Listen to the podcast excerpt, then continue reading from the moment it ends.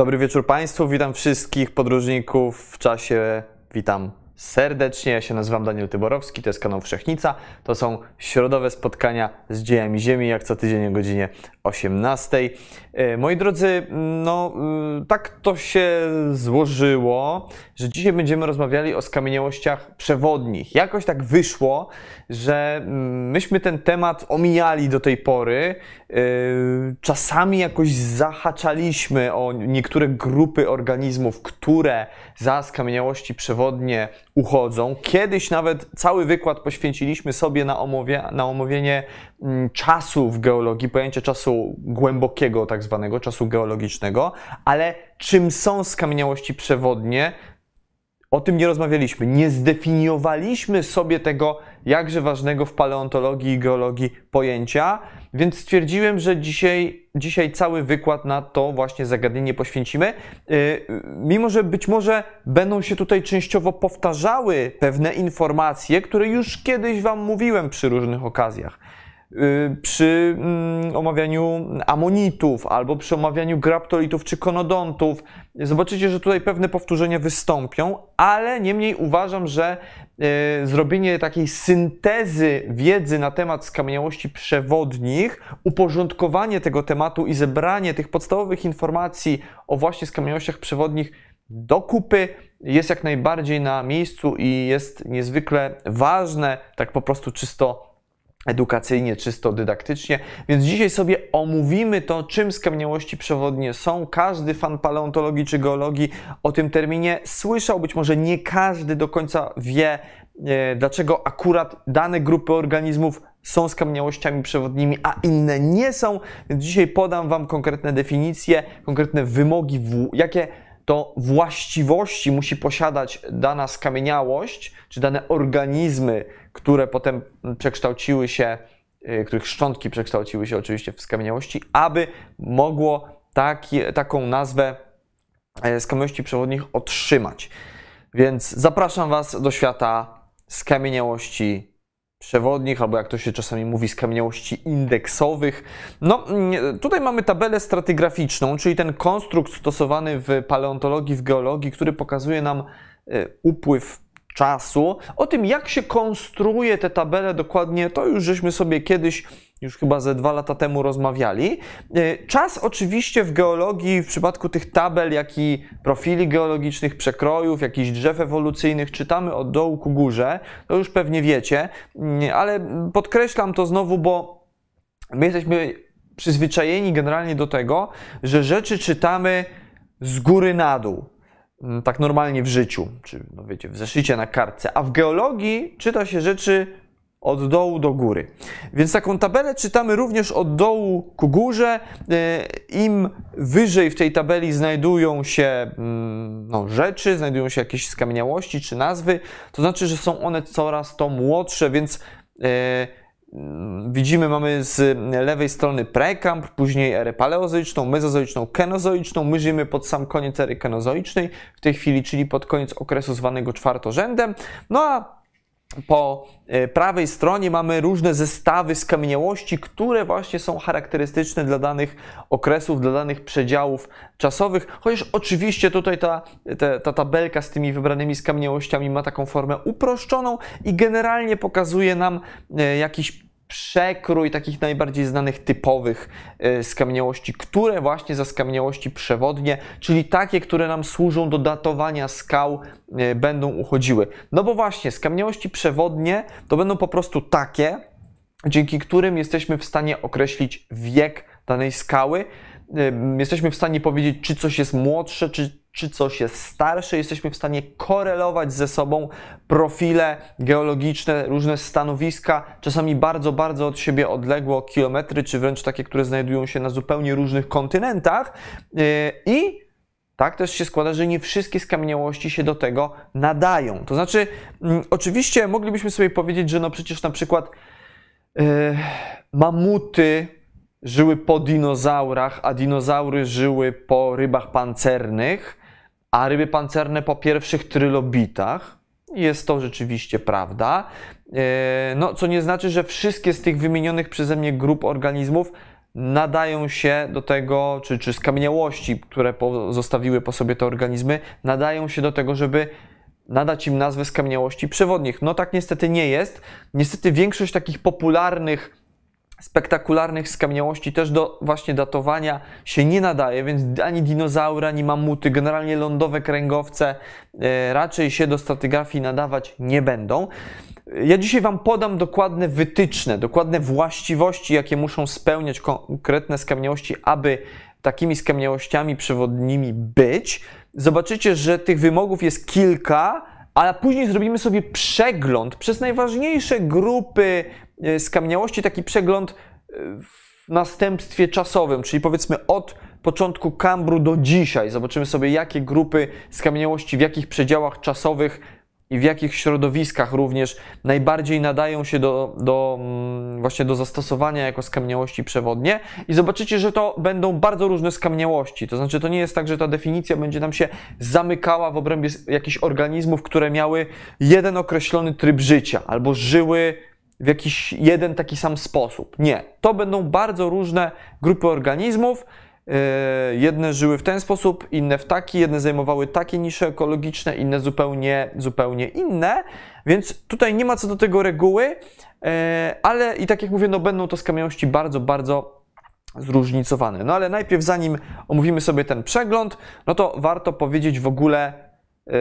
czym są skamieniałości przewodnie, skąd w ogóle pomysł na to, żeby wykorzystywać same skamieniałości do datowań, bo przy okazji wykładu o czasie geologicznym ja tam podkreślałem, że najlepsze do datowań e, nadają się po prostu same skały, też nie wszystkie, ale takie, które będą zawierały w sobie konkretne minerały, na przykład detrytyczne cyrkony, które będą dzięki datowaniu radiometrycznemu, dzięki po prostu badaniom chemicznym konkretnych skał i minerałów, dane y, zawarte z izotopów różnych pierwiastków będą nam dawały konkretny wiek bezwzględny, dadzą nam po prostu datę. Tutaj w przypadku skamieniałości przewodnich my raczej mówimy o takich zależnościach starsze, młodsze, nie da nam to konkretnej daty, tylko jakiś wiek względny. Możemy stwierdzić, czy coś było później albo wcześniej, no ale dzięki temu też oczywiście konkretne profile geologiczne możemy ze sobą korelować. Taka cała nauka, która zajmuje się datowaniami w geologii, jest to stratygrafia.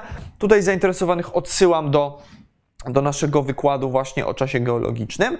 E, natomiast konkretna dziedzina stratygrafii, która zajmuje się datowaniami wyłącznie z zastosowaniem właśnie skamieniałości przewodnich, jest to biostratygrafia.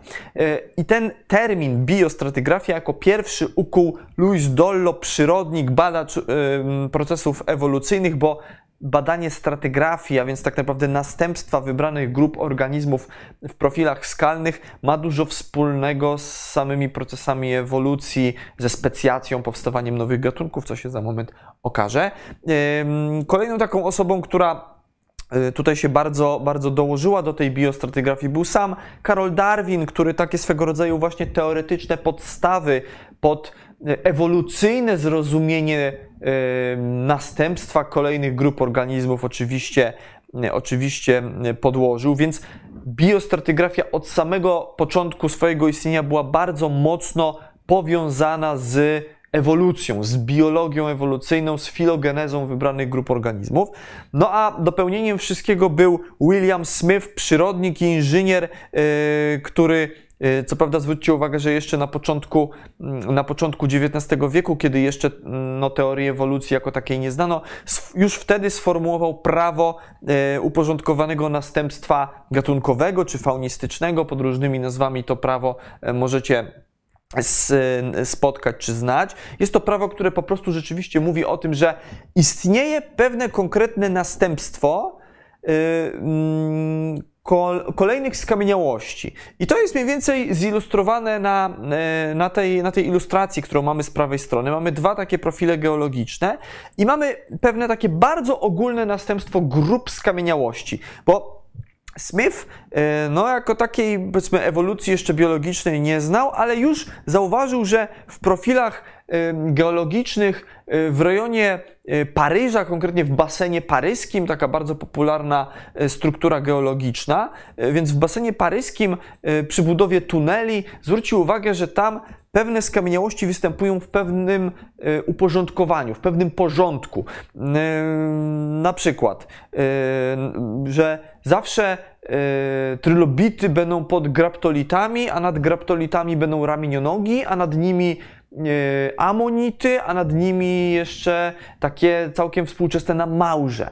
Więc jest pewna ogólna zasada, właśnie takie prawo następstwa gatunkowego, które mówi o tym, że dane grupy organizmów pojawiały się w jakimś momencie w dziejach, oczywiście, później do tego dokoptowano ewolucję, że pojawiały się po prostu na skutek procesów ewolucyjnych, e, więc można je ułożyć w taki ciąg, e, że jedne są młodsze, drugie starsze, więc, e, ale to jest zasada bardzo ogólna, prawda? Tutaj no jeszcze nie stosowano takich prawdziwie metod stratygraficznych, że no jakiś tam konkretny gatunek jest młodszy czy starszy. No nie, to było takie bardzo ogólne. Amonity, młodsze, amonity właściwe, powiedzmy młodsze od trylobitów, tak?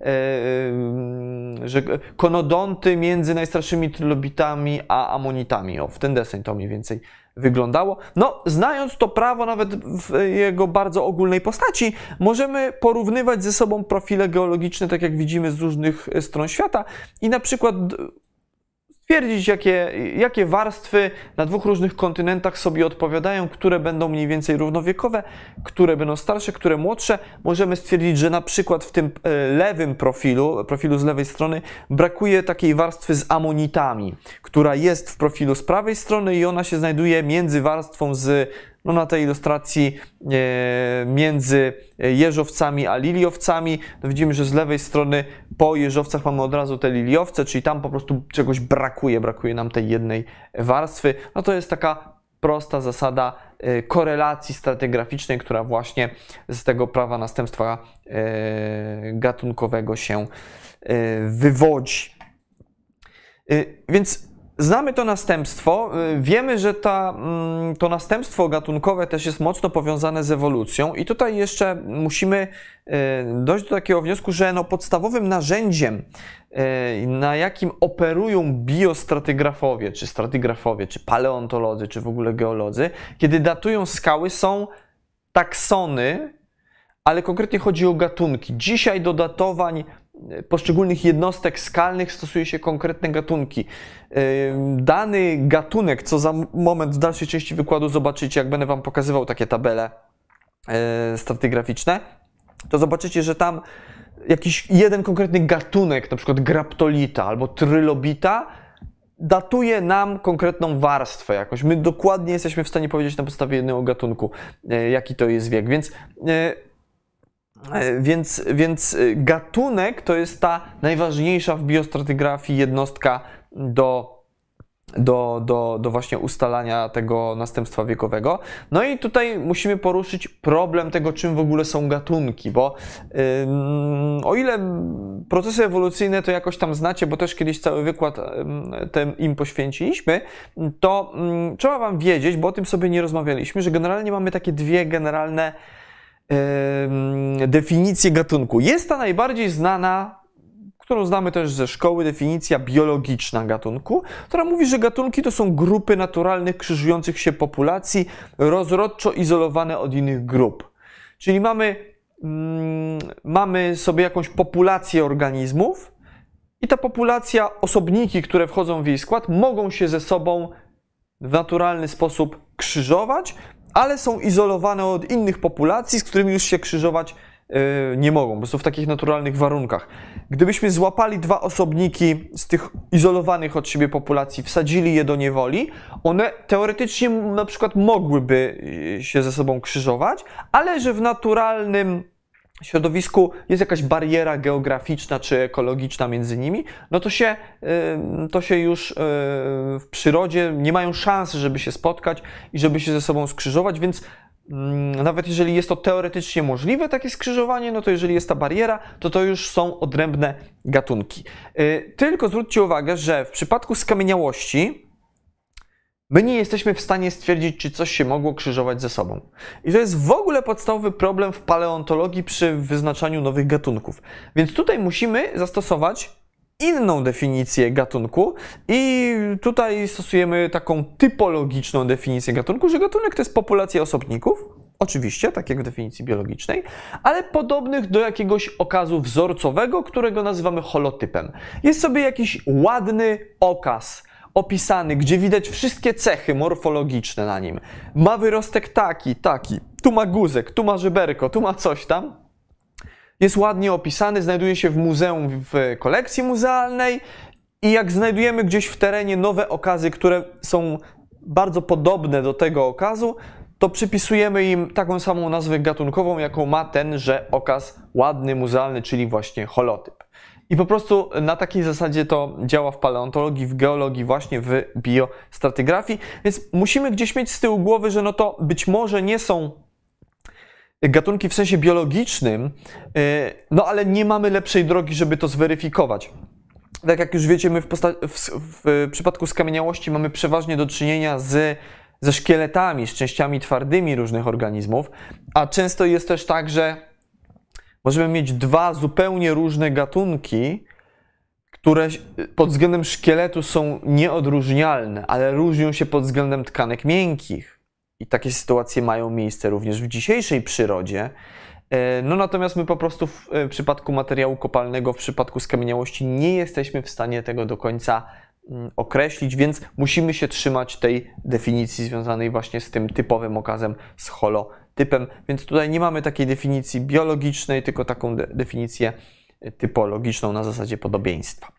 E, no i oczywiście mamy dwa takie główne modele powstawania gatunków, o tym też sobie kiedyś mówiliśmy, ale przytaczam to tutaj znowu, bo to za momencik w dalszej części wykładu wróci, więc tak dla porządku, żebyście mieli to na świeżo teraz w głowie, no to generalnie są dwie koncepcje powstawania gatunków, czyli powstawanie gatunków, czyli specjacja.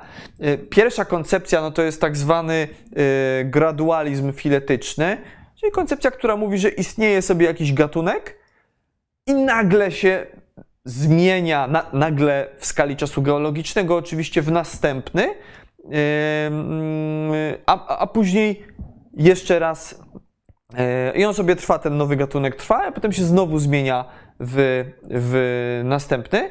Yy, I mamy również koncepcję E, koncepcję tego gradualizmu filetycznego, e, która mówi o tym, że te gatunki płynnie przechodzą jedna w drugie. Ja powiedziałem chyba na odwrót, że wcześniej też był gradualizm. To stopniowe przechodzenie to jest oczywiście punktualizm albo punktuacjonizm, czyli mamy jeden gatunek, on sobie trwa, mija jakiś czas, nagle zmienia się w skali czasu geologicznego w nowy i tak dalej, i tak dalej, na zasadzie takich schodków.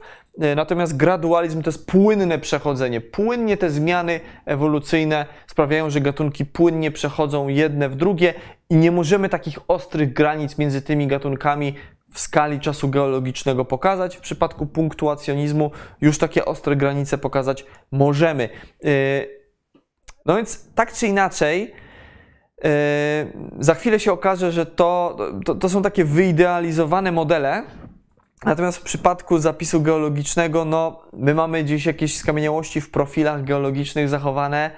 To nie jest wszystko tak pięknie, ładnie, jak te modele e, pokazują, więc e, no nierzadko może być nawet, mogę sobie wyobrazić taką sytuację, że ewolucja by przebiegała na zasadzie gradualizmu, że gatunki będą przechodziły płynnie jeden w drugi, ale My to będziemy obserwowali, jakby to były procesy związane z punktuacjonizmem, bo mamy po prostu te skamieniałości zachowane w jakimś profilu geologicznym, gdzie te organizmy raz sobie żyły, potem gdzieś wyemigrowały, potem wróciły i to nam trochę zaburzy ten obraz tego, jak rzeczywiście te gatunki jedne w drugie się mm, zmieniały. Dla porządku tylko przypominam, żebyście mieli gdzieś z tyłu głowy, że są takie dwie koncepcje tych gatunków.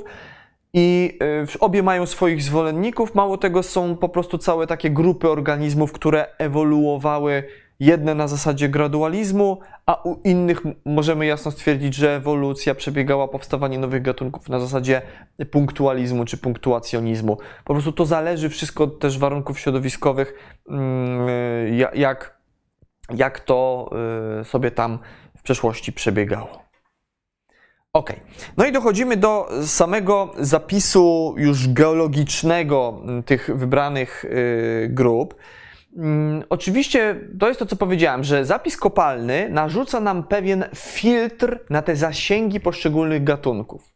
No bo to, co widzieliśmy na poprzedniej planszy, załóżmy, że mamy taki piękny model, nawet ten, e, ten schodkowy związany z punktuacjonizmem, że mamy jakąś ostrą granicę, że powstaje sobie, powstaje sobie gatunek w jednym momencie, trwa, trwa, trwa ileś milionów lat, te zmiany się genetyczne jakoś tam kumulują i nagle w którymś momencie wydziela się nowy gatunek. Nawet jak sobie yy, yy, zatrzymamy się przy tym modelu, a ten model właśnie punktuacjonistyczny byłby najlepszy z punktu widzenia biostratygrafii, to zaraz zobaczycie dlaczego, yy, to i tak sam, sama geologia nam to wszystko zniekształca.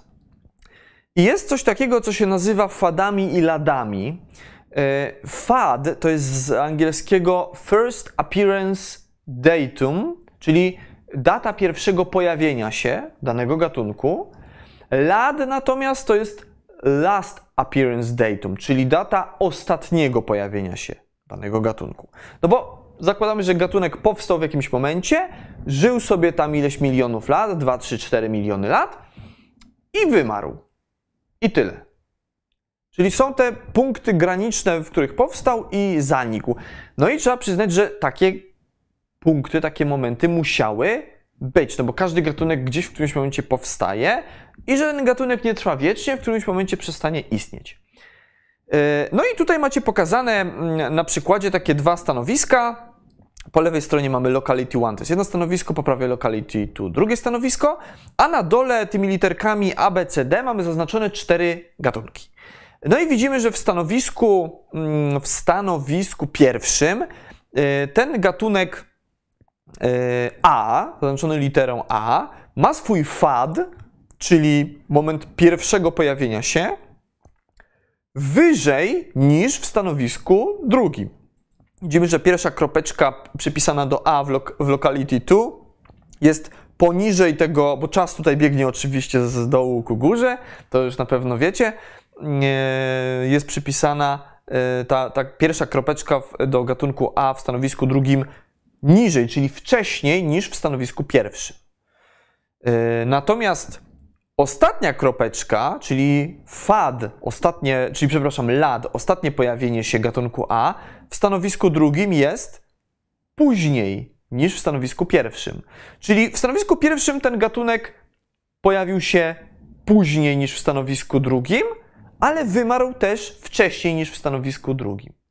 Bo po prostu y, te stanowiska no to są różne profile geologiczne i wiele czynników mogło skutkować tym, że takie różnice w zasięgu jednego i tego samego gatunku wystąpiły. Może to są jakieś warunki, wiecie, wtórne, tafonomiczne, że w jednym stanowisku było e, lepiej tym skamieniałością danego gatunku się zachować w szerszym przedziale wiekowym, a w drugim te skrajne momenty były po prostu słabe dla, dla fosylizacji i te skamieniałości się nie zachowały, a być może za życia tego organizmu warunki środowiskowe sprawiły, że no, w stanowisku tym pierwszym yy, po prostu go nie było w tym czasie, kiedy jeszcze był yy, w stanowisku drugim.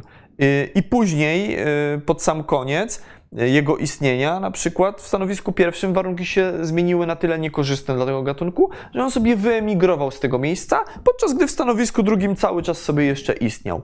E, no i mniej więcej to się do tego sprowadza, że mamy niby te punkty fady i lady i biostratygrafia, wyznaczanie tych granic opiera się właśnie na tych, tych punktach, Szczególnie biostratygrafowie lubią korzystać z fadów, czyli pierwszego pojawienia się, bo e, za chwilę, jak podam Wam właściwości konkretne, mm, e, miał te, te, te, te konkretne, jakie są właściwości skamieniałości śladowych, e, skamieniałości przewodnich, to zobaczycie, że tam bardzo ważny jest ten moment właśnie specjacji, żeby był uchwycony, żebyśmy mieli pewność, że w danym profilu geologicznym mamy uchwycony moment ewolucyjnego pojawienia się nowego gatunku, a to też nie jest wcale takie e, oczywiste, żeby tak było. Co to znaczy, o tym za chwilę sobie powiemy. No więc fajnie by było, żeby przynajmniej ten fad był. Jak mamy fady i lady, no to już w ogóle super. No ale tu Wam pokazałem, że to nie jest wszystko tak pięknie, ładnie. Co teraz jeszcze Wam chcę zilustrować tym, tym obrazkiem, e, który na prędce przygotowałem po lewej stronie. E, to jest taki też, no, starałem się to zrobić jak najprościej. E, taki, taki znowu mamy układ współrzędnych czas na osi mm, o y, odległość na osi o x. E, no i mamy jakieś dwa obszary, dwie prowincje e, przedzielone taką barierą. Mamy jakieś dwa lądy, które stanowią po prostu fizyczną barierę geograficzną dla jakichś dwóch organi dla, no, dla organizmów morskich. Między tymi dwoma lądami jest sobie taka, taki przesmyk, przez które te organizmy z jednej prowincji do drugiej mogą sobie przepływać. No i teraz zwróćcie uwagę, że w prowincji pierwszej mamy FAD 1, jakiegoś, gatunka, jakiegoś gatunku organizmu, możemy sobie wyobrazić, że jest to gatunek amonita na przykład. On sobie powstał w tym momencie FAD1, istnieje sobie, istnieje, wymiera w momencie LAD1 w tej prowincji pierwszej, ale w międzyczasie to te czerwone kropeczki, no to jest właśnie pokazane, jak sobie istnieje, te, ten czas istnienia tego gatunku. I zobaczcie, że w międzyczasie on zdążył wyemigrować do prowincji drugiej. I w prowincji drugiej, w której będzie po prostu jakieś osobne stanowisko geologiczne, gdzie te skamieniałości znajdziemy, fad y, tego amonita, dajmy na to, jest dużo, dużo później niż w prowincji pierwszej. Z kolei lad w prowincji drugiej też jest później niż w prowincji pierwszej, bo ten y, gatunek po prostu sobie. W prowincji drugiej były lepsze warunki i przez dłuższy czas później mógł ten gatunek istnieć, podczas gdy w prowincji pierwszej już dawno wymarł. Czyli to jest znowu takie powtórzenie tego, co, wam, co było pokazane na poprzedniej planszy, tylko jeszcze e, z pokazaniem tej jakiejś bariery geograficznej, która istniała między tymi, e, tymi prowincjami, że przez chwilę jakieś warunki mogły być na tyle dobre, że ten organizm sobie przepłynął, e, pokonał tę barierę po prostu, przepłynął z jednego stanowiska do drugiego, z jednego basenu do drugiego, z jednej prowincji do drugiej. E, no i tam w tym drugim profilu pojawił się później oczywiście, no bo ewolucyjnie powstał w innej prowincji dużo, dużo wcześniej, ale za to istniał dłużej. I wtedy zwróćcie uwagę, to jest to, co tutaj napisałem, że LAD1 i FAD2 są efektem migracyjnym, a nie ewolucyjnym. A to, to jest bardzo ważne, e, bardzo ważne to, co powiedziałem Wam wcześniej, że chciałoby się, żeby były znane te momenty rzeczywistego pojawienia się, czyli to ten prawdziwy FAD, prawdziwy moment pojawienia się w zapisie geologicznym na skutek ewolucji danego, danego gatunku organizmu, więc prawdziwym momentem pojawienia się jest FAD1. Natomiast FAD2 wynika z migracji. No, ten zwierzak przepłynął do innej prowincji i tam, yy, gdyby ktoś znał tylko profil geologiczny z prowincji drugiej, to by mógł sobie pomyśleć, że ten FAD w prowincji drugiej, no to jest moment takiego ewolucyjnego pojawienia się. A my dzięki temu, że mamy w innej prowincji ten gatunek już znany z dużo starszych warstw, no to wiemy, że w tej prowincji drugiej ten FAD2 to jest po prostu efekt migracji, e, a nie, a nie rzeczywistej e, ewolucji. Tak samo w prowincji pierwszej, LAD1, E, też jest efektem migracyjnym, bo to nie jest moment, w którym naprawdę wymarł całkowicie ten gatunek, tylko po prostu wymarł w tej jednej prowincji, w tym jednym basenie morskim, nazwijmy to sobie, podczas gdy w drugim istniał jeszcze miliony, miliony lat dłużej i wymarł, nie wiem, 2, 3, 4, 5, 10 milionów lat e, później. To daje do myślenia. To pokazuje, że rzeczywiście jest pewien problem jak jedziemy w teren, mamy profil geologiczny i mamy tam skamieniałość i widzimy, że ona pojawia się w którymś miejscu w tym profilu geologicznym, to skąd mamy wiedzieć, że to jest rzeczywiste pojawienie się tego gatunku w ogóle na świecie, a nie na przykład y, taka sytuacja, że ten zwierzak sobie przypłynął tutaj z innego miejsca. No i my tak naprawdę nie wiemy, czy, mm, tak, czy, czy on powstał gdzieś w innym basenie, czy powstał tutaj. Jest to duży problem. Przyznacie, że jest to duży problem, ale za chwilę Wam powiem, jak ten problem w miarę możliwości e, można rozwiązać. Mm, no, na to, e, co sobie, to, o czym sobie teraz powiedzieliśmy, e, z tym bardzo mocno powiązana jest tak zwana reguła Signoralipsa, nazwana na cześć dwóch paleontologów, która głosi, że tak po prawdzie, to my nigdy nie mamy do czynienia w, posta- w zapisie kopalnym z pierwszym pojawieniem się, takim prawdziwym, i z, e, i z wymarciem, e, prawdziwym wymarciem danego organizmu. Prawie nigdy tak naprawdę takiej sytuacji nie ma. Zawsze te skrajne momenty, pojawienie się i wymarcie nikną gdzieś no, w, w zapisie geologicznym. My widzimy tylko jakiś przedział, w obrębie którego dany gatunek sobie istniał, ale te skrajne ogniwa są zaburzone właśnie przez, przez migrację, przez to, że zwierzęta migrują, przez to, że samo środowisko się zmienia i dany organizm mógł sobie na przykład żyć w jakimś jednym basenie, ale właśnie mm, nagle się środowisko zmieniło, y, no i, mm, no i już warunki fosylizacyjne ten zwierzak sobie żył, dajmy na to dalej w tym zbiorniku, ale y, no po prostu się skamieniałości nie zachowywały, tak? On sobie tam dalej funkcjonował, nie wyemigrował nigdzie, ale sedymentacja, fosylizacja sprawiły, że my już dzisiaj skamieniałości tego organizmu nie mamy. Yy, należy mieć tę regułę Signora Lipsa gdzieś tam zawsze z tyłu głowy, pamiętać o niej.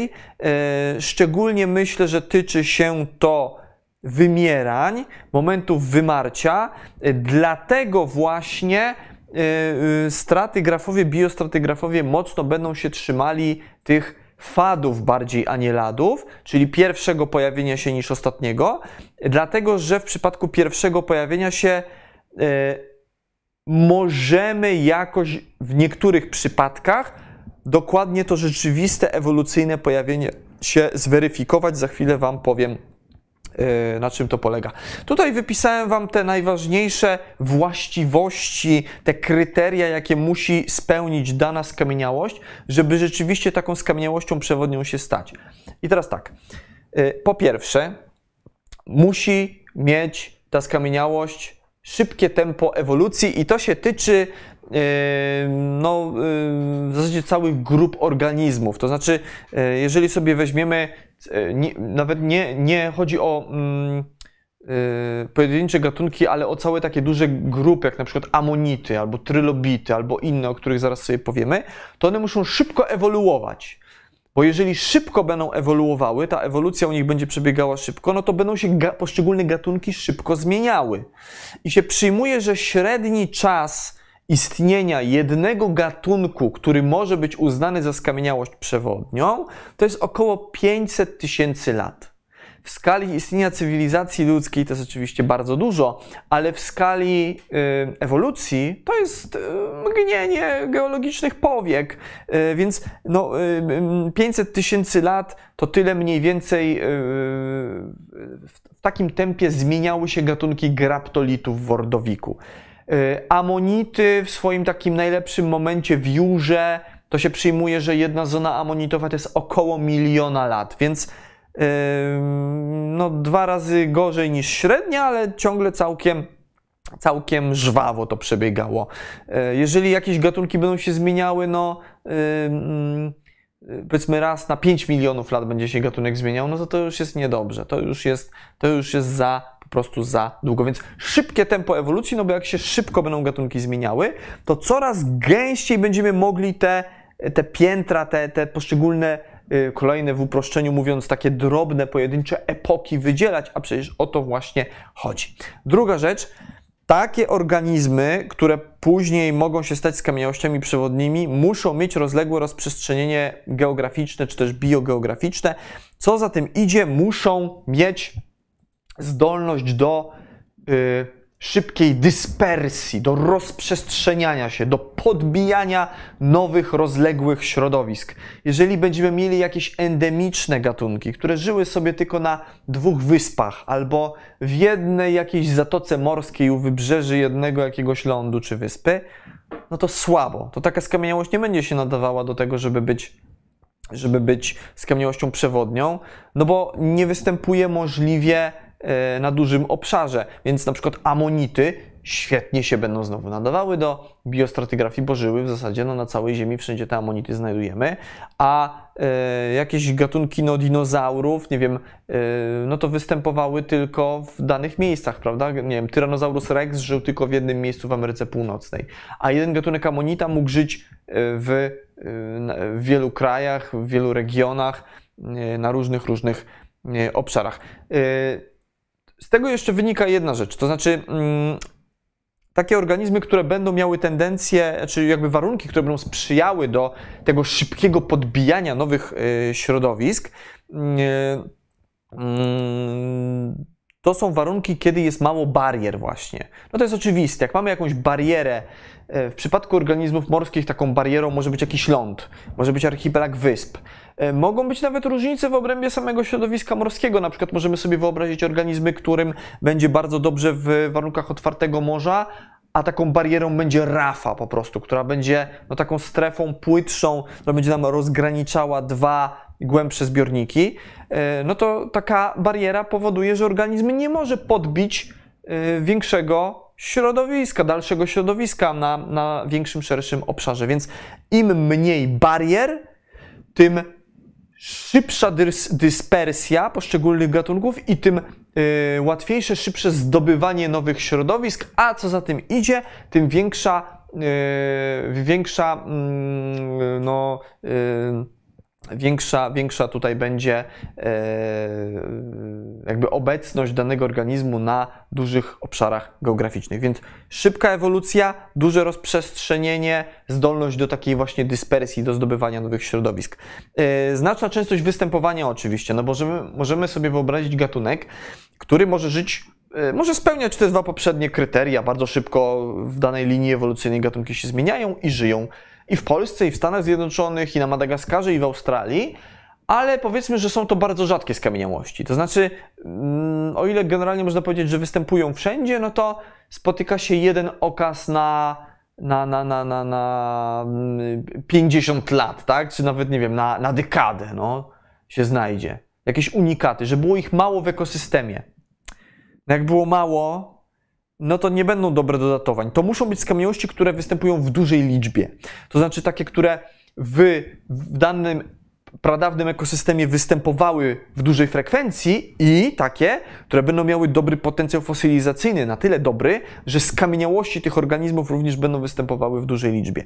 Więc znowu, amonity do tego się będą świetnie nadawały, trylobity, no i nie będę uprzedzał kto jeszcze, za chwilę sobie to e, zobaczymy. Tak czy inaczej musi tych skamieniałości być po prostu dużo. Muszą występować hurtem. Kolejna rzecz, wyrazistość cech morfologicznych. To jest chyba oczywiste. My musimy wiedzieć, na co patrzymy, a to jest związane z tą typologiczną definicją gatunku, którą mamy właśnie w paleontologii. E, no, musimy rozpoznać na danym okazie dane cechy, a nie tak, że będziemy coś zgadywać. Może to jest to, może tamto, tutaj trochę nie widać tu trochę tak dziwnie zachowane. No nie, to muszą być ładne cechy, tu żeberka mu, musi być wszystko pięknie, ładnie do oznaczenia, więc to też jest taka ważna, ważna cecha. To musi być od razu po prostu widoczne, czy to jest taki gatunek, czy inny, a nie, że tam się trzeba zastanawiać i będą z tym jakieś problemy. Kolejna rzecz, umiarkowana tolerancja na zmiany środowiskowe.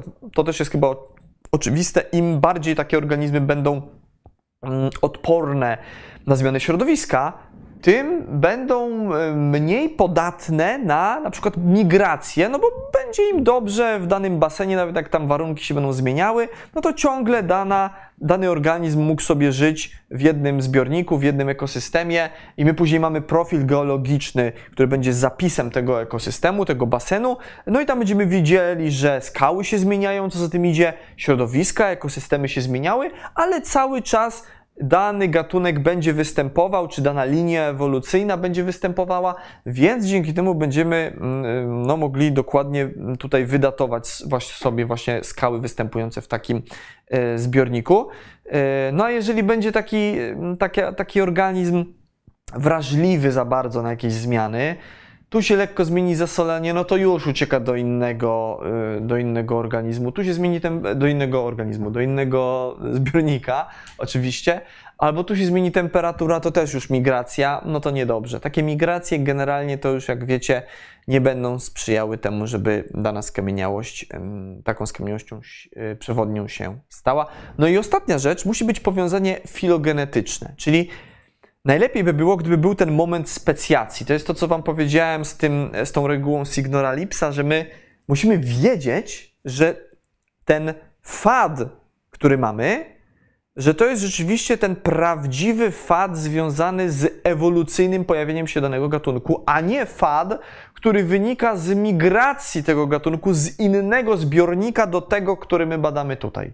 No ale teraz moje pytanie jest do Was takie szybkie. E, skąd to mamy wiedzieć? No bo to przecież nie jest takie oczywiste. Ba, to się w ogóle wydaje no, strasznie trudne do określenia. Jak, jak to w ogóle mm, rozwiązać?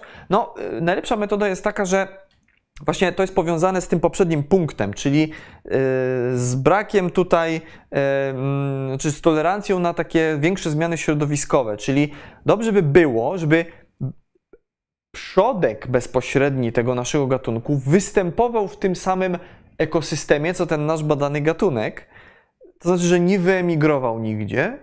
I jeżeli mamy w jednym profilu geologicznym, w jednym stanowisku, jak przodek naszego badanego gatunku, no i potem wyżej, powyżej niego ten nasz gatunek, no to znaczy, że najprawdopodobniej to oznacza to, że właśnie do tej specjacji do powstania tego naszego gatunku powstało w tym miejscu. Mamy gatunek A i powiedzmy dwie warstwy wyżej mamy gatunek B, no to znaczy, że najprawdopodobniej ten B powstał z A. Jeżeli to są powiedzmy dwa, dajmy na to, bardzo podobne do siebie amonity, prawda? Albo bardzo podobne trylobity. No i są eksperci od amonitów i trylobitów, którzy wiedzą, jak rozpoznać, że na przykład to już jest nowy gatunek, bo ma tam jakieś dwie inne cechy i ten powstał z tego. Więc okej, okay, no tylko to musi być w tym konkretnym stanowisku, a nie, że mamy dwa stanowiska, w jednym stanowisku mamy gatunek A, a w stanowisku 100 km dalej mamy gatunek B. No i teraz, tak, to, to, to nie możemy tu mówić, że mamy ten moment specjacji uchwycony, moment powstania tego gatunku B. No, prawda? No bo dzieli je wiele kilometrów. My nie wiemy wtedy, gdzie ten gatunek B powstał, a zależy nam na tym, żeby mieć tutaj konkretnie w tym miejscu, znaleźć ten moment, kiedy ten gatunek e, B się pojawił. Dużo tych wymogów. Kryteria bardzo wydawałoby się takie, no, yy, ostre, takie, żeby spełnić te wymogi, no to ja nie wiem, kim trzeba być, prawda? Tak się może wydawać na pierwszy rzut yy, oka. Nic bardziej mylnego. Teraz przejdziemy sobie do omówienia tych najważniejszych grup skamieniałości. Zobaczycie, że rzeczywiście, żeby być skamieniałością przewodnią, trzeba spełnić rzeczywiście szereg tych wymogów. Niemniej jest całkiem sporo grup skamieniałości, które właśnie do biostratygrafii się nadają, no bo jak duża jest oczywiście bioróżnorodność na naszej planecie i jak duża była w przeszłości, no to siłą rzeczy ktoś tam w końcu te kryteria spełnić musiał. Jeżeli dana skamieniałość będzie spełniała takie kryteria, no to już możemy takie korelacje na przestrzeni e, nawet różnych kontynentów e, dokonywać. No i tu widzimy, że na przykład warstewka numer jeden w Australii odpowiada warstewce e, C w Europie, e, czyli już możemy stwierdzić, co jest młodsze, co jest starsze, jak się ma do siebie, e, jak się mają do siebie dwa profile geologiczne, które występują na dwóch dokładnie no, odległych na antypodach mm, naszej planety. No dobra, i teraz zrobimy sobie przejazd przez te różne grupy skamieniałości. Część z nich to będą organizmy które już dostały swoje wykłady w ramach naszych środowych y, spotkań, ale część to będą grupy, o których też y, w ogóle na przykład nie mówiliśmy, albo mówiliśmy jakoś sporadycznie, rzadko, ja jakoś więcej czasu im do tej pory nie poświęcałem. Y, tak czy inaczej, zwróćcie uwagę na na to, jak bardzo różny tryb życia będą miały te grupy. Tu nie będzie jednego, mimo, mimo tego, że wszystkie te organizmy musiały spełnić te same kryteria, o których sobie wcześniej powiedzieliśmy, to tutaj nie będzie jednego przepisu na tryb życia tych organizmów. To znaczy, to będą i organizmy, które żyły na dnie morza i sobie chodziły po nim, to będą takie, które aktywnie pływały w toni wodnej, były nektonem, to były takie, które były planktonem, unosiły się z prądem, to były takie, które żyły przy cementowane do dna morskiego, Będą też niektóre takie, które żyły na lądzie, więc pod tym względem akurat jeśli idzie o tryb życia, nie ma tutaj w zasadzie reguły. Ok, no i taka pierwsza y, grupa, y, która zdobyła serce biostratygrafów, idąc sobie po kolei stratygraficznie od, od początku fanerozoiku, czyli od tych 542 milionów lat zaczynając, no to pierwszą taką grupą będą zdecydowanie trylobity. I trylobity yy, szczególnie nadają się do datowań yy, w Kambrze na takie skamieniałości przewodnie, które są yy, diagnostyczne dla konkretnego okresu, które najlepiej datują nam skały w obrębie jednego okresu geologicznego, na przykład Kambru, Devonu, Kredy, mówimy, że są to tak zwane skamieniałości, są to orto, ortoskamieniałości, czyli takie swoiste, tylko właściwe tylko temu temu okresowi geologicznemu i takimi dla Kambru są właśnie e, trylobity. Oczywiście ich było wtedy bardzo dużo. No w, w Kambrze no to, to, to spora część organizmów w morzach to były trylobity. Oczywiście trylobity dotrwały do Permu, tu mamy całe takie drzewo ewolucyjne trylobitów w ogóle i widzimy, że one dotrwały do końca ery paleozoicznej, do tych 250 milionów lat temu, ale jako takie ortostratygraficzne służą dla Kambru i częściowo też dla Ordowiku, bo wtedy jeszcze było ich na tyle dużo. Jak widzicie, w Ordowiku też e, większość tych linii ewolucyjnych e, ciągle istnieje. Później, no, gdzieś tam w Sylurze, Devonie jest ich trochę mniej, chociaż i lokalnie nawet do Devonu gdzie niegdzie trylobitów jako skamieniałości przewodnich się używa. W Karbonie i w Permie no to już jest jakaś jedna e, grupa, taka w zasadzie bardzo, bardzo e, reliktowa. Trylobity oczywiście, no to w większości to jest bentos, organizmy, które sobie chodziły po mm, e, dnie morza. Bentos, ale taki bentos aktywny, mający zdolność do poruszania się, więc one dla Kambru i częściowo też dla mm, Ordowiku. No i tu macie przykład, mamy sobie taki profil geologiczny, na, mm, na środku mamy taki no po prostu rysunek tego profilu, gdzie widzimy różne skały zaznaczone różnymi kolorkami, różnymi szrafurami.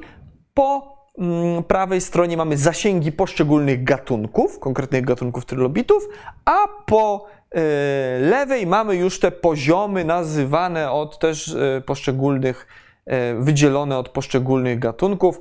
Mm, o tym, jak to się wydziela, te poziomy, to też o tym sobie właśnie kiedyś cały wykład poświęcaliśmy, więc o tym dzisiaj mówił nie będę.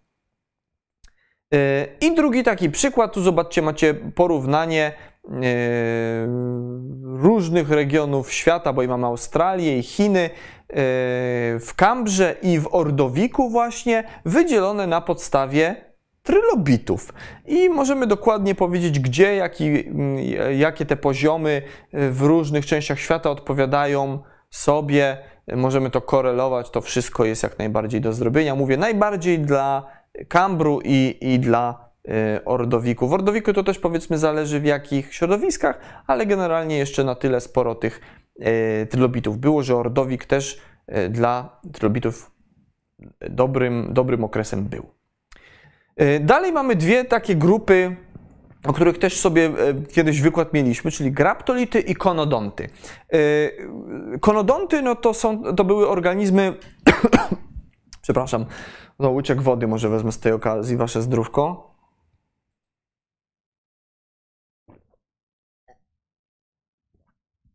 Zatem konodonty to były organizmy mm, nektonowe, aktywnie pływające w toni wodnej, przypominające troszeczkę takiego węgorza, czy, czy, czy może, nie wiem, jakiegoś minoga. Y, natomiast graptolity zaczęły swoją karierę ewolucyjną jeszcze jako bentos, rosnąć sobie na dnie morza bez zdolności do, do poruszania się. Natomiast później przeszły na planktonowy tryb życia, to też zainteresowanych odsyłam do wykładu o, o graptolitach. Y, I szczególnie te właśnie planktonowe graptolity zrobiły niesłychaną karierę jako skamieniałości przewodnie y, i to mniej więcej równolegle w tym samym czasie co konodonty, bo Ordowik i Sylur to są dwa okresy geologiczne, gdzie konodonty i graptolity możemy uznawać za ortostratygraficzne. Konodonty jeszcze długo później w Devonie świetnie się nadają do datowań, w Devonie, w Karbonie. Mm, ostatnie konodonty to w ogóle do triasu dotrwały, ale powiedzmy, że do dewonu, do karbonu się ich używa tak, jako takich bardzo dobrych skamieniałości e, przewodnich. E, a natomiast w Ordowiku i Sylurze jest problem taki, że skamieniałości konodontów i skamieniałości graptolitów raczej nie lubią zachowywać się w tych samych typach skał. To też wynika z tego, że skamieniałości tych dwóch grup e, organizmów są zbudowane z czegoś innego, bo skamieniałości graptolitów są organiczne, natomiast skamieniałości konodontów są fosforanowe, więc skamieniałości konodontów występują w skałach węglanowych, w wapieniach, natomiast skamieniałości graptolitów w takich ciemnych łupkach, które zresztą noszą nazwę łupków graptolitowych, bo w tychże łupkach ordowickich czy sylurskich tych graptolitów może być niesłychanie, niesłychanie dużo.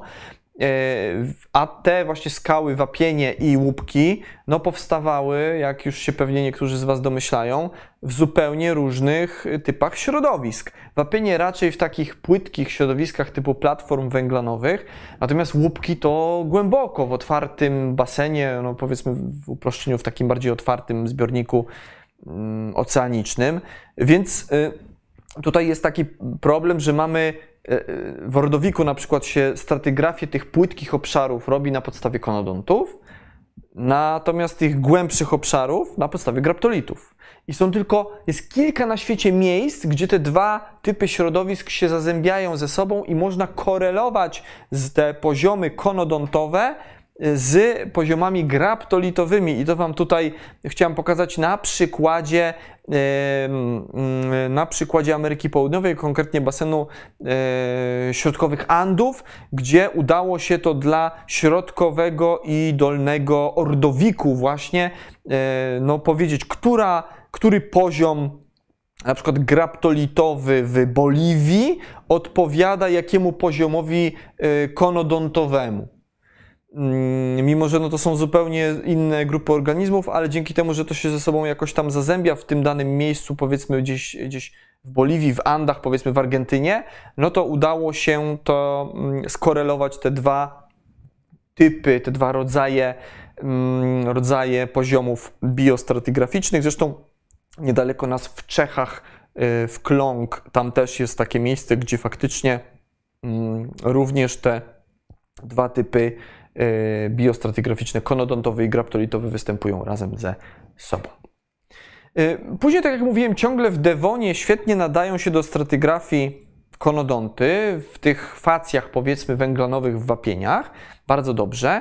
Natomiast dochodzą do nich ramienionogi. I ramienionogi to już jest bentos, Czyli zobaczysz zupełnie różny tryb życia. Mieliśmy trylobity, które sobie pełzały pod dnie morza, mamy konodonty, które aktywnie pływały, mamy graptolity, które były planktonem, unosiły się z prądem, a teraz mamy ramionnogi, które są znowu bentosem, więc żyły na dnie morza, ale to nie jest bentos ruchomy, tylko nieruchomy. Bentos sesylny, jak to się mówi, cały czas przytwierdzone do dna morskiego za pomocą nóżki. E, I to w Devonie są bardzo popularne skamieniałości przewodnie. W Devonie dolnym taka grupa e, Spiriferida, spirifery, w uproszczeniu mówiąc dobrze, dobrze się nadają do stratygrafii. E, na przykład taki gatunek Euryspirifer paradoxus, który wygląda mniej więcej tak jak ten tu pokazany. To jest akurat mukrospirifer, ale powiedzmy, że dla, dla takiego niewprawionego oka, dla laika, no to te wszystkie spirifery to takie są dosyć podobne do siebie, e, ale właśnie pamiętam, że gatunek Euryspirifer paradoxus jest wskaźnikowy dla EMS-u, czyli takiego wydzielenia w dolnym, e, w dolnym dewonie. Yy, więc konkretnie, jak znajdziemy takiego Euryspirifera, to możemy powiedzieć, że to jest Devon, konkretnie EMS. Dokładnie możemy powiedzieć, jaka, jaka tam mniejszej rangi epoka, mówiąc w uproszczeniu, jaka konkretnie jednostka jest to mm, czasowa. Yy, no i również w Devonie yy, do akcji wkraczają amonitowate. E, I tutaj o tym, jak się amonity dzielą na poszczególne grupy, o tym też sobie kiedyś mówiliśmy, że mamy, najpierw mieliśmy goniatyty, później ceratyty, później amonity właściwe. Goniatyty e, to właśnie dla dewonu i karbonu są wskaźnikowe. Ceratyty dla permu i triasu, amonity właściwe dla jury i kredy. No i tutaj amonity to są jedne z tych skamieniałości przewodnich, tych organizmów, które zrobiły niesłychaną karierę ewolucyjną rzeczywiście. E, więcej o nich, e, dokładnie o tajnikach biologii amonitów odsyłam do wykładu który był specjalnie tym organizmom dedykowany, ale to pokazuje, że już tak naprawdę od Devonu do końca kredy, czyli od powiedzmy tych 400 milionów lat temu do 66 milionów lat temu, czyli tak naprawdę no, 300 kilkadziesiąt milionów lat, y, amonity nadają się do datowań.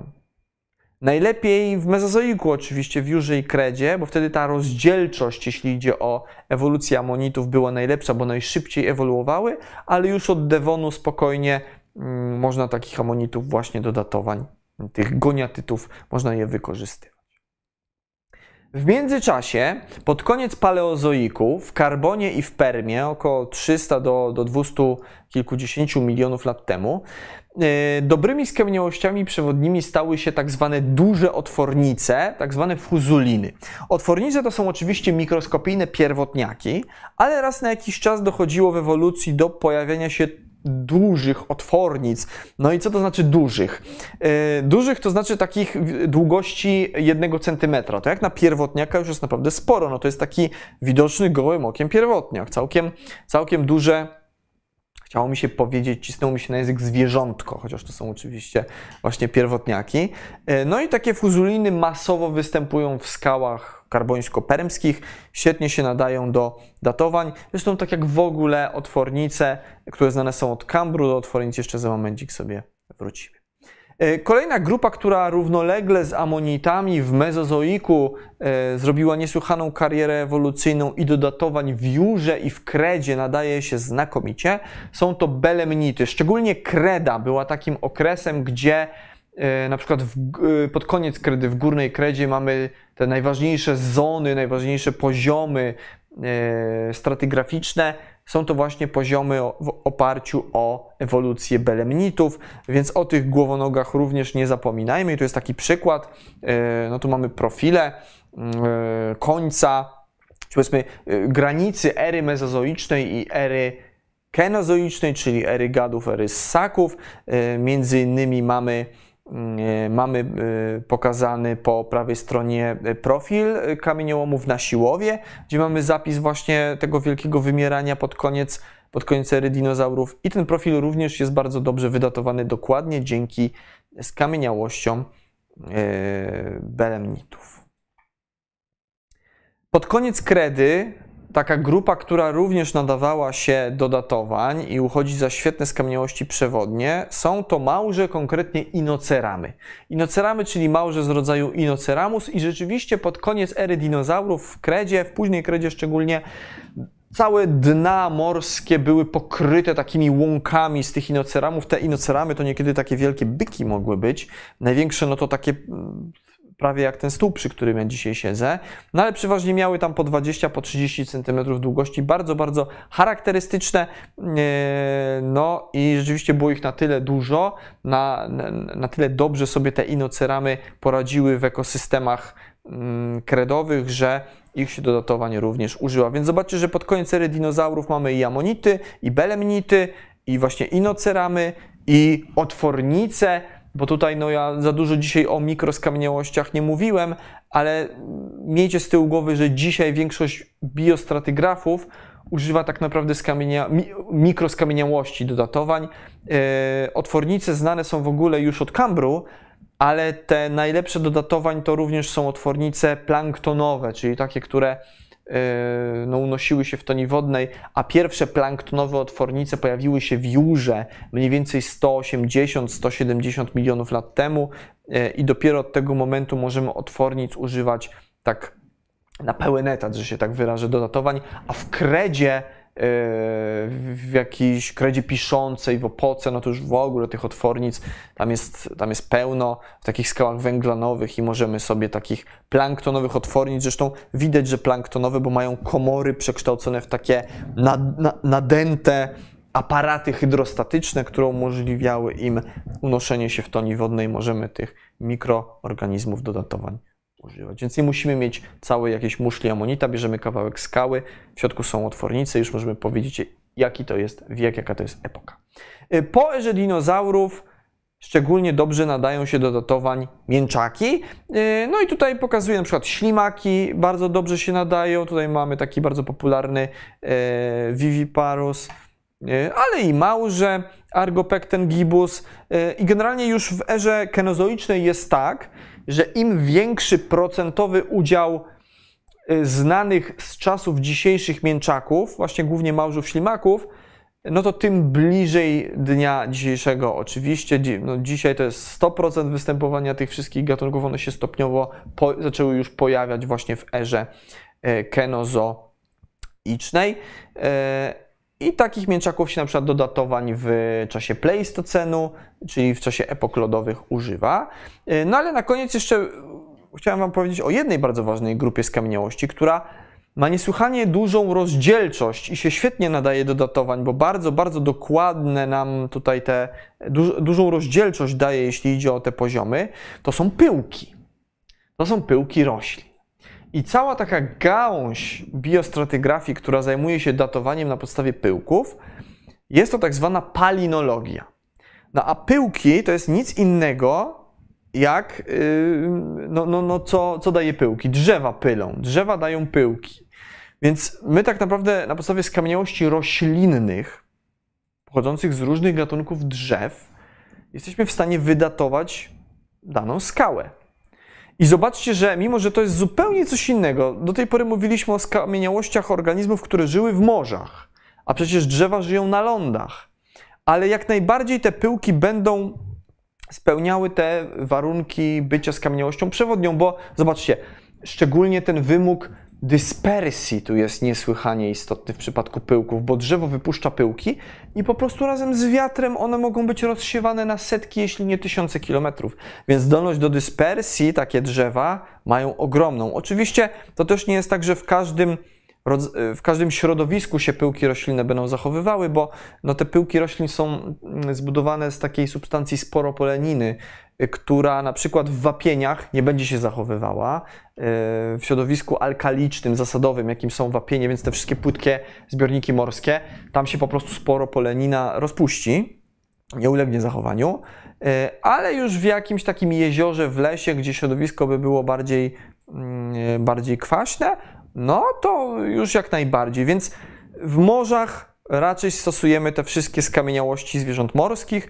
Przypadku osadów lądowych, rzecznych, jeziornych, jakichś bagiennych, ogólnie lądowych, możemy y, się tutaj y, wspomóc właśnie pyłkami, czyli y, mikroskamieniałościami tak naprawdę pochodzenia roślinnego. To jest oczywiście tylko pewien wycinek skamieniałości przewodnich, jaki dla Was dzisiaj przygotowałem.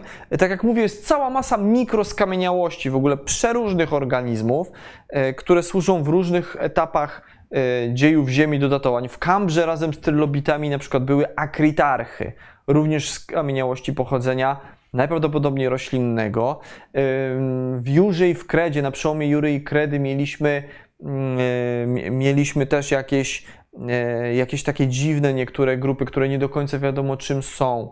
E, mamy bruzdnice, mamy okrzemki, w, tu w erze kenozoicznej szczególnie okrzemki się będą dobrze nadawały powiedzmy tak od eocenu czy paleocenu, już świetnie do datowań. Więc tych grup mikroskamieniałości, e, jeśli teraz one są w cenie, no bo wystarczy wziąć kawałek skały, jest duża szansa, że tam w środku takie mikroskamieniałości po prostu, po prostu będą. Więc mam nadzieję, że takie uporządkowanie wiedzy generalnie o tych skamieniałościach przewodnich Wam się przyda, że to jakoś Wam usystematyzowało ten temat. Teraz sobie zobaczymy, co tam, co tam pisaliście. Yy, polecam, myślę, że to jest też dobry moment, żeby pisać na czacie jakieś propozycje może kolejnych wykładów. To, to oczywiście gorąco, gorąco zachęcam. Wasze zdróweczko po raz kolejny.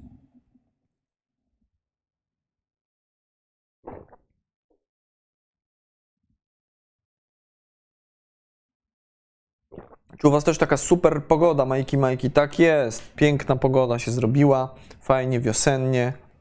Cieplutko, milutko.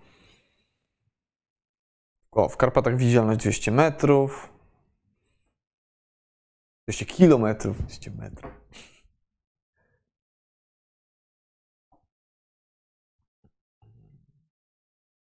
W Berlinie 16 stopni, proszę bardzo. W Warszawie dzisiaj 20 było nawet.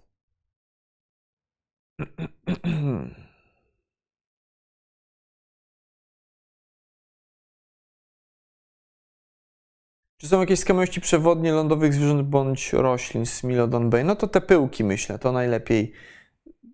No to taka najlepsza grupa. I one szczególnie dla tych osadów, to tego nie powiedziałem. Pyłki szczególnie dobrze się będą nadawały do datowań w przypadku osadów tych młodych, w czwartorzędzie, w przypadku datowań też poszczególnych epok lodowych. Pyłki się świetnie do tego nadają. I w archeologii. Archeolodzy jak datują poszczególne stanowiska archeologiczne, korzystają właśnie z pomocy palinologów.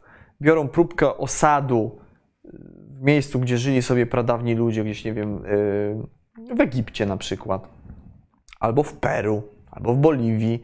Patrzą, jakie tam są pyłki, i dzięki temu są w stanie wydatować takie stanowisko. Więc to szczególnie w tych stanowiskach kenozoicznych ogólnie, ale szczególnie tych takich bardzo młodych, myślę, prepleistoceńskich, pleistoceńskich i właśnie holoceńskich już w stanowiskach archeologicznych.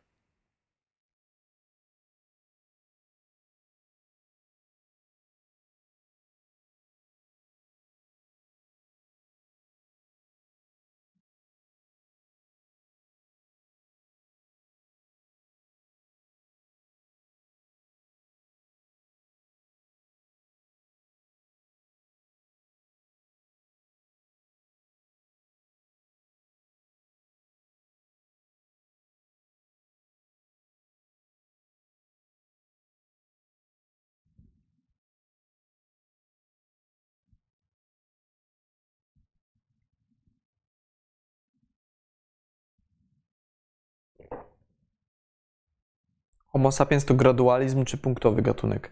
Troll paleontologiczny. No z tym Homo sapiens to jest w ogóle problem, tak? Cały czas się gdzieś tam przesuwa ta granica, kiedy ten gatunek e, powstawał yy, i myślę, że nie ma na to dobrej odpowiedzi jeszcze. Myślę, że chciałoby się, żeby to był ten, yy, znaczy inaczej, antropolodzy by pewnie chcieli, żeby była ta ostra granica, prawda? No bo cały czas gdzieś słyszymy, że o, przesunięto granicę pojawienia się gatunku Homo sapiens o tam 50 tysięcy lat wstecz. Co chwilę gdzieś dochodzą do nas takie słuchy. Więc tak się utrzymuje, jakby to był punktualizm, prawda? Związany z tym gatunkiem Homo sapiens. Ale czy tak było, to jeszcze myślę, że przyjdzie nam, przyjdzie nam zobaczyć.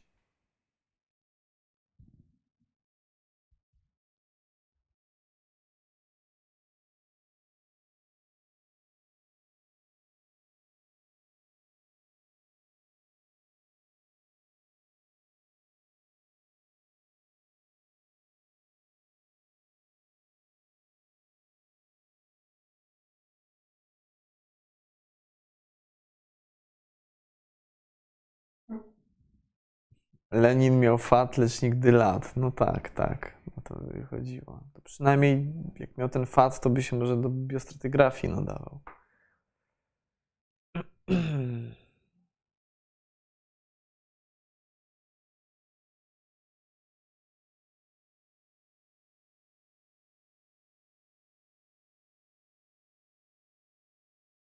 Brat biolog się nabijał, że jak Entomolodzy znajdą robaczka, który ma trzy włoski na odwłoku w prawo, a nie w lewo, to już nowy gatunek mają, Dominik Sobel.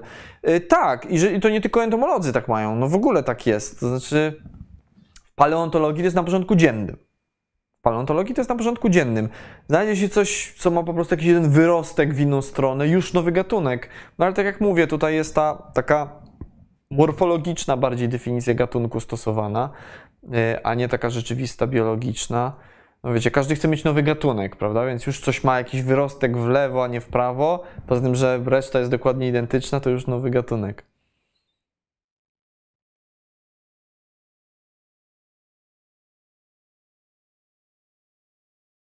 Gdzie można wysłać znalezione skamieniałości, aby przyniosły pożytek nauce, bardziej niż leżąc na półce w pokoju znalazcy Grzegorz Skiba? Do muzeum najlepiej. Jakiegoś geologicznego, do Muzeum Ziemi.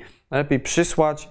E, kto wie, może to jest coś rzeczywiście bardzo, bardzo okaże się unikatowego.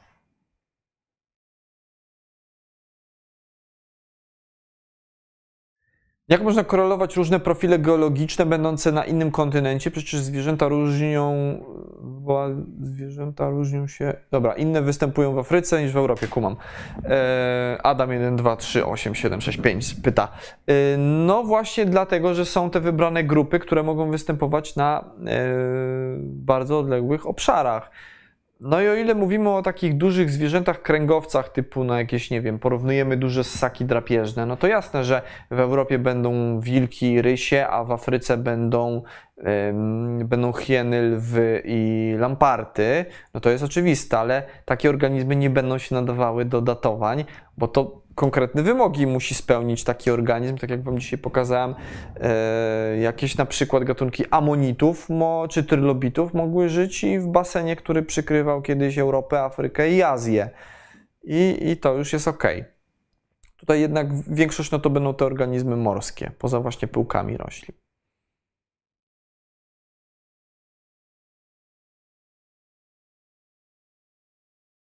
Czy skamieniałości przewodnie to zawsze gatunki kosmopolityczne? Ciernisty 8.1. Nie, nie zawsze. Y, dobrze by było, żeby były kosmopolityczne, ale to nie musi być regułą. Y, dobrze jest, żeby miały możliwie jak najszerszy zasięg występowania, ale nawet wśród takich już tych y, podręcznikowych amonitów było tak, że inne amonity występowały w różnych obszarach świata miały oczywiście olbrzymi zasięg dane gatunki geograficzny, ale występował wśród amonitów prowincjonalizm. I na północy Europy żyły inne gatunki amonitów niż na południu na przykład. I to jest duży problem, taki prowincjonalizm e, biogeograficzny w obrębie danej grupy organizmów, ale ciągle zasięg występowania jednego gatunku był, mógł być na tyle duży, że ciągle jakby spełniają no, tutaj e, te definicje skamieniałości przewodniej. Więc nie wszystkie muszą być kosmopolityczne, ale niektóre na pewno były kosmopolityczne, takie organizmy, które mm, były skamieniałościami przewodnimi.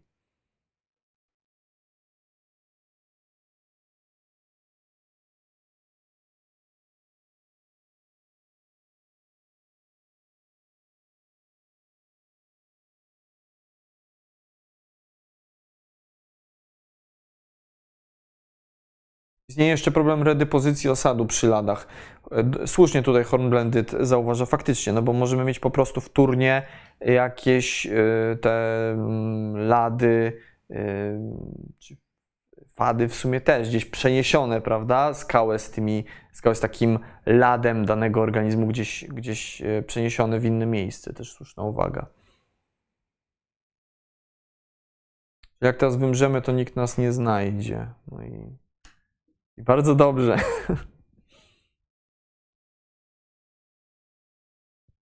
Czyli w paleontologii nie możemy mówić na przykład o rasach jakiegoś gatunku, no bo według tej definicji mm, to mamy tylko takie same osobniki jednego gatunku, Marcin Krzyżyński. I tak, generalnie w paleontologii nie ma zwyczaju wyróżniania nawet podgatunków. Wyróżnią się gatunki i tyle, nic poniżej. No, żeby wyróżnić rasę, yy, tak, no to zobaczcie, no jak mamy rasy ludzkie, to one się pod względem szkieletu nie bardzo różnią. Y, szkielet osoby czarnoskórej wygląda tak samo jak szkielet osoby białej. Więc już wyróżnienie ras w paleontologii rzeczywiście mija się z celem. To nie znaczy, że takich ras nie było. Pewnie niektóre gatunki, nie czym się, że na pewno istniały. Tylko no po prostu my nie jesteśmy w stanie tego stwierdzić. Nawet podgatunków nie jesteśmy w stanie powiedzieć, jakie, jakie były.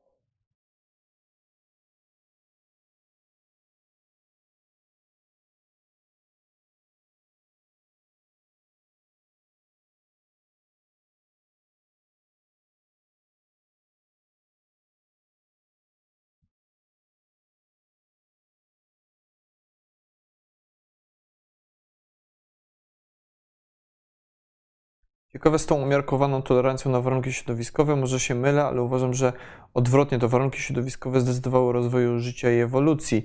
Krzysiek Fuzja, y, zgoda, pełna zgoda. Tylko, że znowu, no, jeżeli środowisko się będzie zmieniało, to jest szansa, że gatunki będą sobie migrowały gdzieś poszczególne. Y, I to się dzieje ale tylko wybrane grupy będą mogły, będą w stanie no, przetrwać te zmiany środowiskowe i trwać sobie w jednym basenie, a to z punktu widzenia stratygrafa, jak chcemy wydatować właśnie jakieś miejsce, e, no to będzie niesłychanie ważne. Jeżeli taki organizm będzie na tyle podatny na zmiany środowiska, że e, no bo tak, możemy sobie wyobrazić, że będą albo będzie wymierał, albo będą powstawały nowe gatunki, tak można na to patrzeć, ale jest też duża szansa, że te organizmy będą migrowały w inne miejsca, no bo to robi dany organizm, prawda? Jemu nie zależy na tym, żeby umrzeć. Jak umiera, to znaczy, że już nie było wyjścia innego. Po prostu. A to, co będzie starał się zrobić, no to uciekać od tych niekorzystnych zmian do innego środowiska, do innego ekosystemu.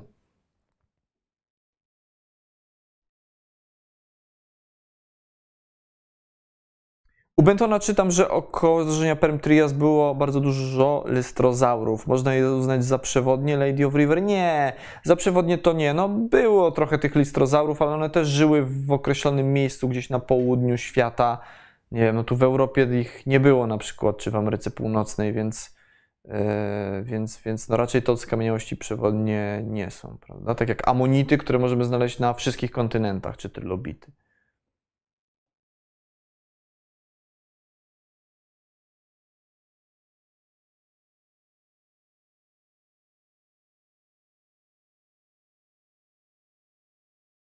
No właśnie, no i Tomasz Jagusztyn dobrze zaznacza, że lystrozaury nie ewoluowały szybko.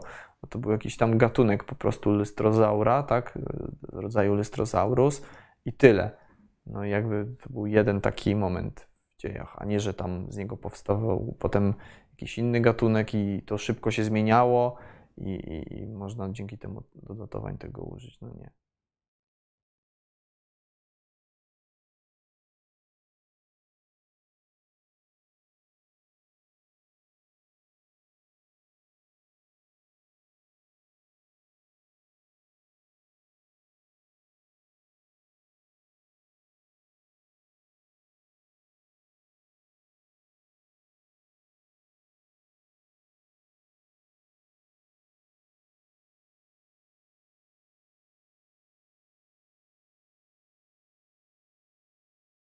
Bardzo fajne graptolity są w anoksycznych mułowcach w bardzie koło Łagowa. Tak, tak, tak, tak, tak. No tam w ogóle w Górach Świętokrzyskich to i wąwóz prągowiec słynny tam, ale właśnie bardzo, bardzo stawy, takie miejsca, tak, tam rzeczywiście można dużo tych łupków graptolitowych sobie e, wykopać i mieć taką płytkę z graptolitami. Czasami na jednej takiej płytce, wiecie, kto się w dłoni mieści, to tam jest kilka osobników, czy, czy może kilkanaście nawet. Jaką wielkość konodonty osiągały? Malutkie, całe zwierzątka, no to były takie po powiedzmy kilka centymetrów.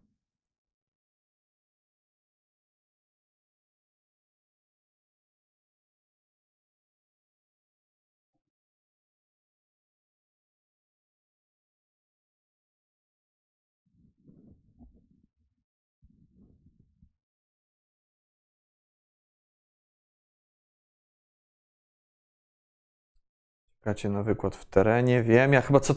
Już mam takie wrażenie, że ja co tydzień obiecuję, że będzie ten wykład w terenie. Już dzisiaj ten na siłów pokazałem, więc no. No tak.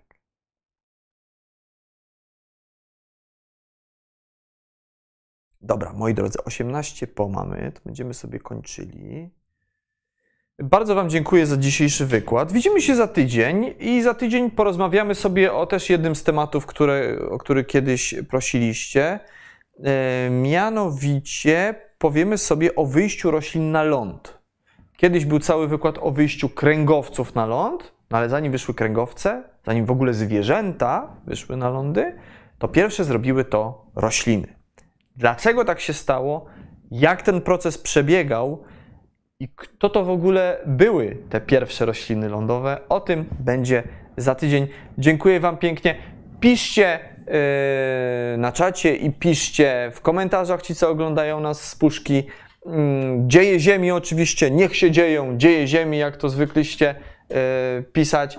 Ja się nazywam Daniel Tyborowski, to były środowe spotkania z dziejami Ziemi. Do zobaczenia za tydzień paleontologiczne. Pozdrowienia, cześć!